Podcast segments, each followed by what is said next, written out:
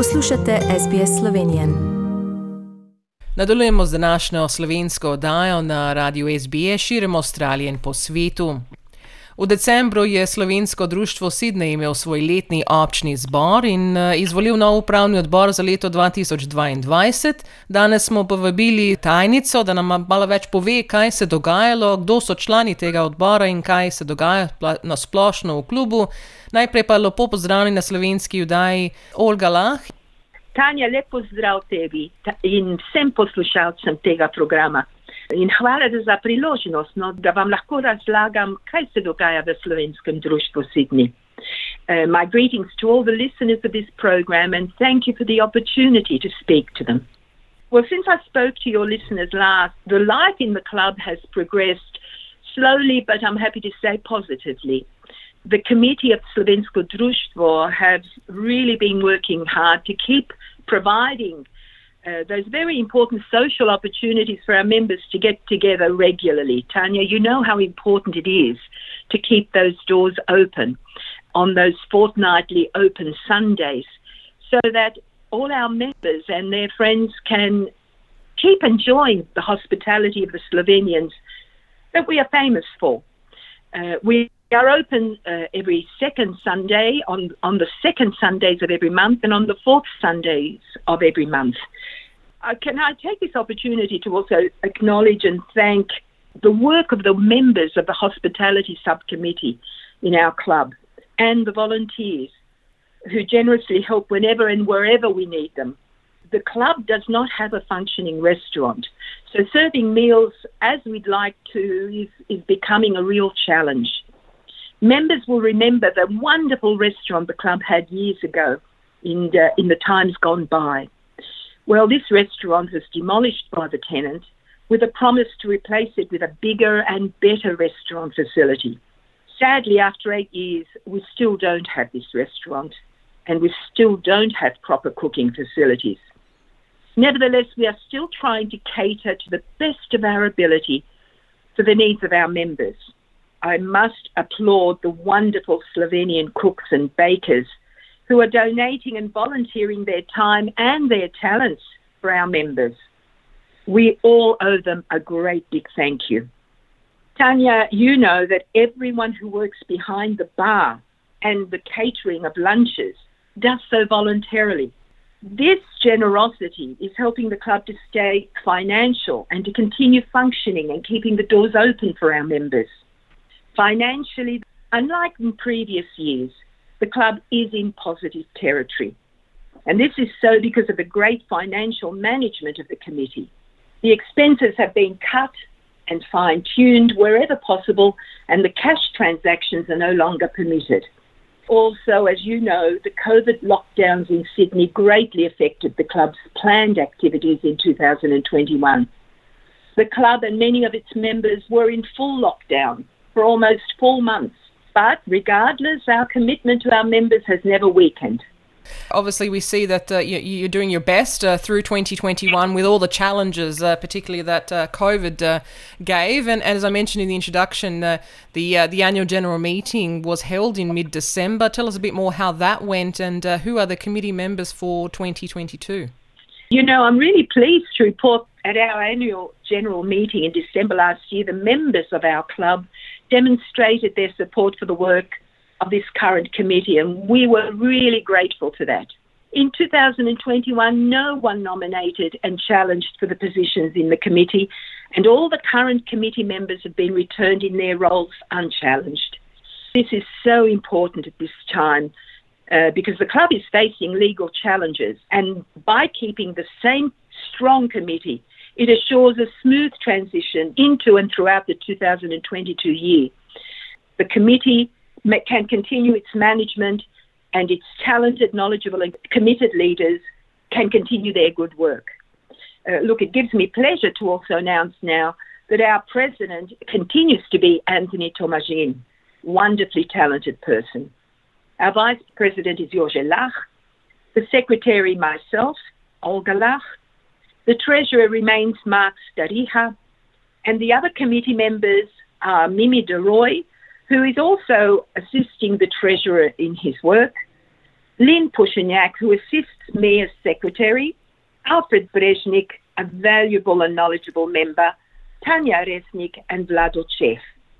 In fact, I must tell you that we have been referred to as a super team, so that will give you a little bit of an idea, Tanya, of how valuable the assets, how valuable they are to us. As you mentioned, there's some legal challenges, and, and it seems that the court case is still in progress. Um, it's probably taking a toll on everyone involved as it's been going for quite a while. Is there any progress or any view of an outcome potentially for this year?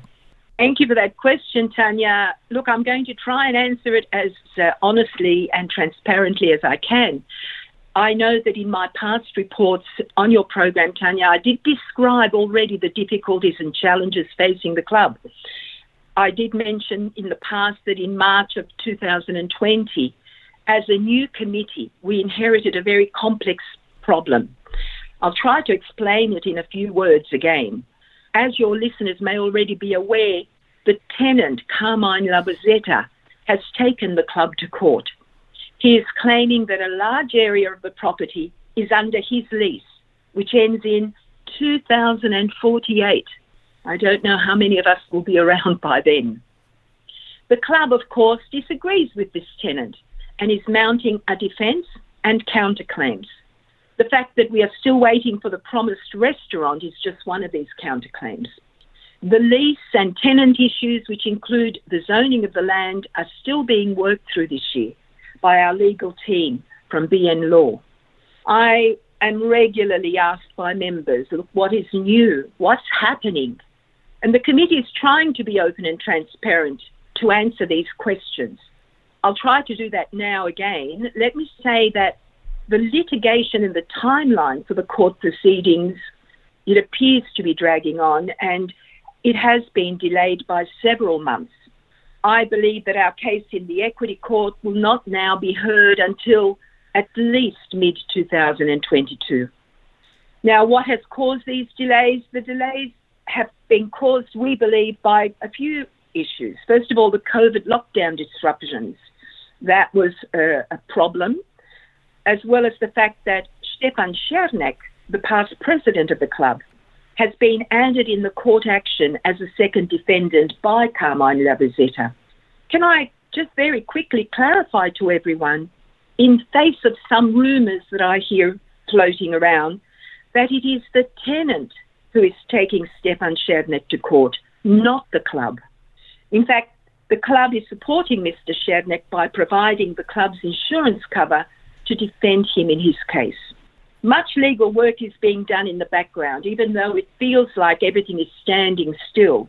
The tenant has filed with the court a number of affidavits, if you like, statements from witnesses that he seeks to rely to support him in his case against the club.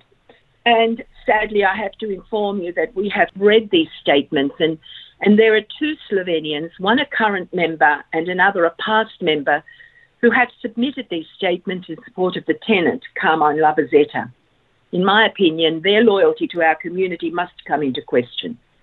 But in defence of the club, the legal team are now taking witness statements from past and present directors of our club, as well as any persons of interest. And these affidavits will provide much interesting, positive, and honest information, I think, in defence of the club. Can I just assure all our members and, and listeners that the current committee is an amazing team who will never stop fighting for a fair outcome and who will never stop seeking the truth. We believe we have a strong case, but of course, as we know, there are no guarantees in any court case. I do say, and I can say fully, that we are confident that we will be able to put the club in really the best possible position to defend against the tenants case. Can I take this opportunity to also say that the club is in a very fortunate position in the financing of our defence. Uh, I did mention, I think, in the past, Tanya, that we have four benevolent Slovenians who have funded the defence until only recently. And this initial defence has amounted to several hundred thousand dollars. Happily, though, the defence costs are now being covered by our insurer, AIG Insurance, who has agreed to indemnify the club to the insured amount. Uh, it has agreed to appoint SBN law to assume defence of the club, and the AIG will pay for the cost. So these are very positive signs for us. Uh, and it gives us motivation and courage to just keep going and fighting to safeguard the assets and properties of our club. It sounds like, uh, obviously, uh, hopefully this year there may be some uh, progress uh, on that front, and hopefully things get cleared up uh, sooner than later, so some other decisions can be made, I guess, for the, for the future of the club. And recently, you know, last few weeks, you had your first open day for 22. There's another one happening uh, next week. Tell us a bit more what's being planned for Sunday, the 13th of February. Uh, yes, we are hoping for a really positive, positive year. In fact, you know that these are challenging times for anyone uh, who is trying to plan ahead individuals, entertainers, restaurants, and clubs like ours. Our club is no exception. So, throughout last year, the club suffered long lockdowns and it had to cope, cope with a lot of COVID restrictions that meant uh, that only vaccinated members could have entry. The club was closed for long periods of time. Uh, but we are starting 2022 with optimism optimism not only in terms of uh, serving and looking after the needs of our members, but also in the court case. Interestingly, some of our plans have already been unravelled by COVID restrictions. Uh, for example, dance that we had planned for Prešeren Day, uh, the dancing cannot be uh, followed through on because dancing is not permitted. But there is good news for Sunday, the 13th of February all other activities will still go ahead. And we are planning many activities for the enjoyment of our members and their friends. Look, as usual, as is the norm, as is traditional, we are celebrating uh, the life of France Prešeren with a, a short, interesting program on the 13th. We are also having a delicious outdoor barbecue, a variety of meats served with delicious salads that we think our members will really enjoy. And we have surprise activities organised for our younger generation, including perhaps pony rides if the weather permits. We are doing all we can to entice all generations to come and visit us. The club will be open from 11 a.m. to 5 p.m. Lunch will be available from midday, 12 o'clock, and the program will commence at 1 p.m. or thereabouts we really want the old and the young to come and reconnect with their friends. And on top of that, come and support the club. We need that positive motivation, that positive support to keep us going, to keep us on track. Until then, dear listeners, stay healthy, stay safe. Bodite zdravi in varni. Olga, hvala za današnji pogovor o nedavnem močnem zboru v Slovenskem društvu. Sidim tudi na črti za naslednje mesece. Upamo, da se bo čim več članov udeležilo tudi v nedeljo 13. februarja, ko bo klub ponovno odprt za kosilo in ko boste tudi, seveda, kot ste rekli, praznovali slovenski kulturni praznik in Franceta Preširna, saj njegov kip je tudi v avli kluba. Right. He is in fact the patron of our club, so uh, a very special occasion. Želite slišati sorodne zgodbe? Prisluhnite jim preko Apple ali Google podcasta, preko aplikacije Spotify ali kjerkoli drugje.